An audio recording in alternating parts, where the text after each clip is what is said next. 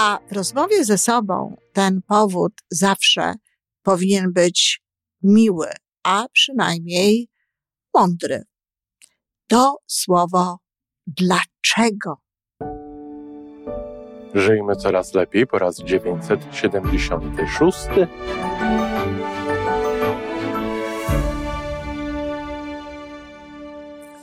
Witamy w miejscu, gdzie wiedza i doświadczenie łączą się z pozytywną energią. Nazywam się Iwona Majwska-Piołka. Jestem psychologiem transpersonalnym, wspierającym rozwój osobisty i duchowy. A ja nazywam się Tomek Kniat. Nie jestem psychologiem, jestem techniczny, jestem adeptem rozwoju osobistego, bardzo to lubię. Razem tworzymy podcast, właśnie ten, którego słuchanie powoduje, że naprawdę żyje się coraz lepiej. Wiemy to, bo tak nam mówią nasi słuchacze. Zapraszamy do wysłuchania kolejnego odcinka i mamy nadzieję, że nowe głosy dołączą do tych, że warto nas słuchać.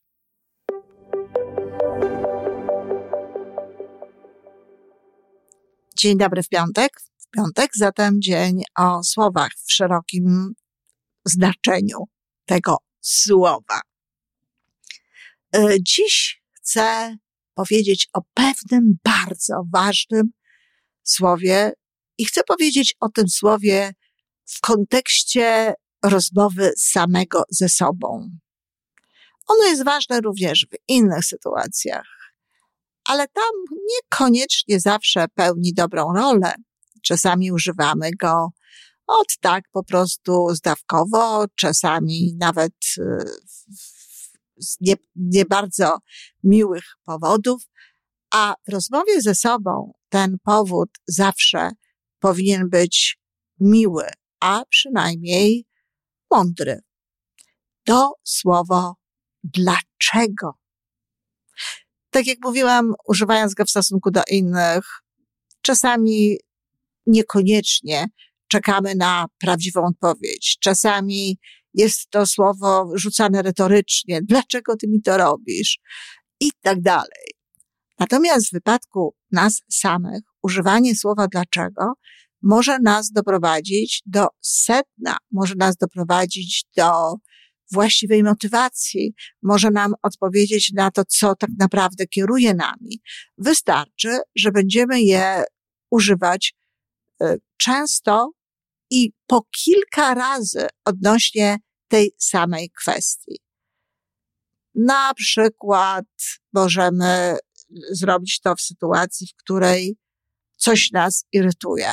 Jakieś, jakieś zachowania, jakieś elementy czasem zachowań konkretnych osób, no, wzbudzają w nas pewne uczucia niezbyt przyjemne. Czujemy jakieś takie narastanie napięcia gdzieś. E, próbuję sobie to odtworzyć, nawiasem mówiąc, bo szczerze powiem, że rzadko miewam takie, takie uczucia i ostatnio, jeśli mi towarzyszą, to towarzyszą mi w związku z sytuacjami, na które naprawdę nie mam wpływu. Ale pamiętam je doskonale y, z czasów, kiedy to wiele osób budziło we mnie tego rodzaju napięcia, wiele sytuacji to budziło. Y, jeśli podobnie jak ja macie to rzadziej, to, to dobrze, dlatego że do niczego nam nie, to nie jest potrzebne. Ale w tym momencie chciałabym, żebyście to sobie jednak, kochani, odtworzyli. No i właśnie, czujemy coś takiego i wtedy bardzo dobrym pytaniem jest pytanie, dlaczego ja tak się czuję? Dlaczego mam to uczucie? Załóżmy, że odpowiedź na to pytanie przyjdzie na przykład, dlatego że denerwuje mnie to, co on robi. Znowu pytamy dalej. A dlaczego denerwuje mnie to, co on robi? I teraz mamy sobie, mamy odpowiedź. Dlatego, że to można zrobić lepiej, że to można zrobić w inny sposób.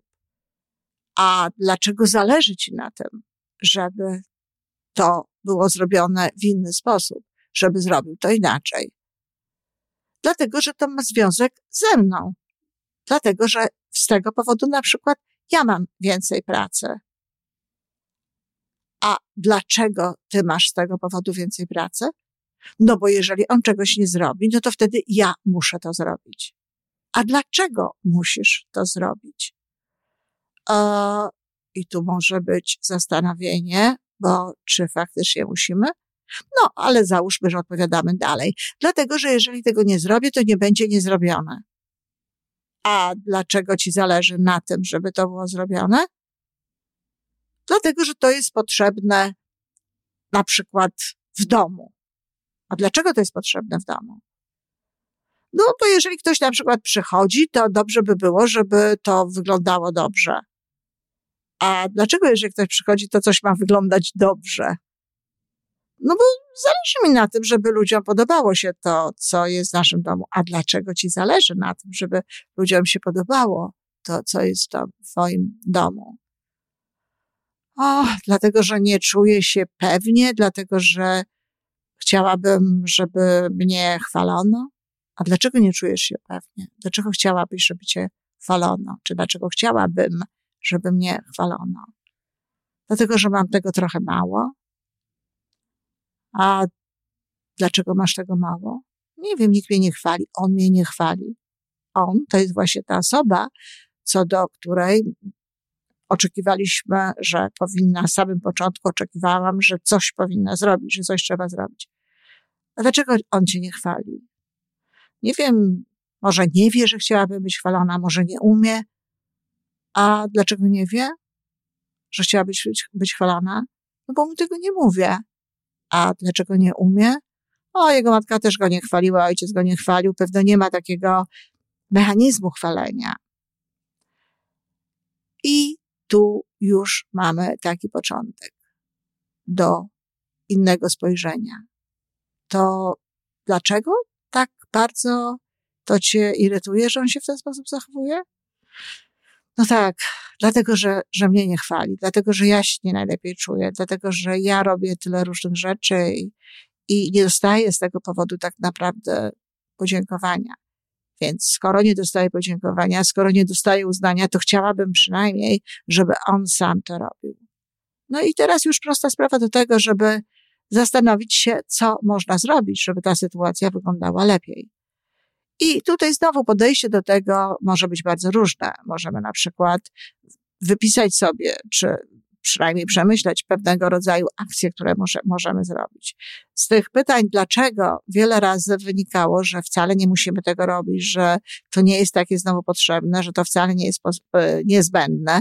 Czyli po pierwsze, można tego nie robić i można w związku z tym nie odczuwać żadnych nieprzyjemnych uczuć, że robi to ta osoba, a, że nie robi tego ta osoba, ale też możemy znaleźć tutaj odpowiedź na to, że może warto porozmawiać z nim w kontekście mąż, partner, ktoś bliski, że może warto porozmawiać z nim, może warto powiedzieć o tym, że chcielibyśmy być chwaleni. Bardzo możliwe, że jakieś kolejne dlaczego mogłoby nas doprowadzić również do tego, że my nie chwalimy tej osoby i wtedy może to przyjdzie do nas informacja, przyjdzie do nas odpowiedź, że warto byłoby tę osobę chwalić.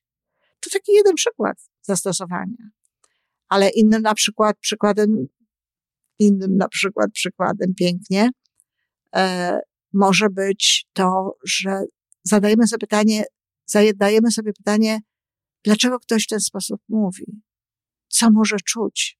Co może z tego wynikać?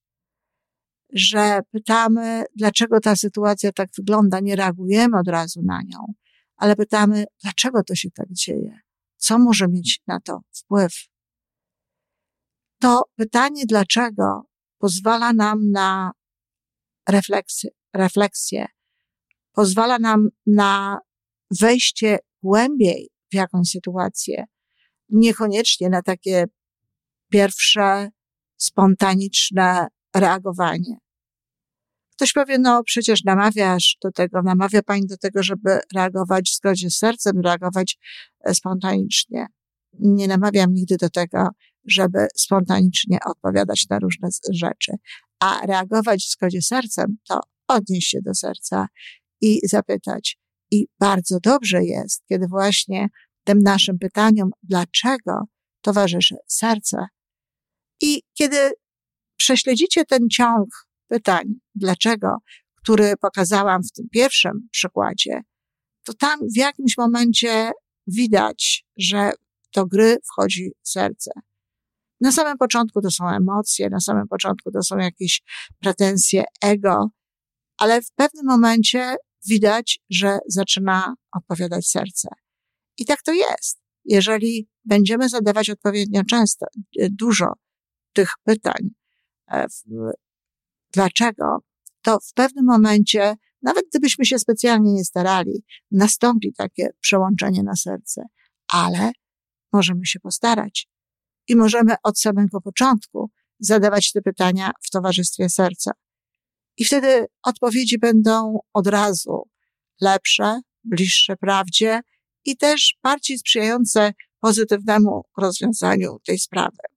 A zatem używajcie, kochani, słowa dlaczego, szczególnie w rozmowach ze sobą. To piękne i niezwykle pomocne słowo.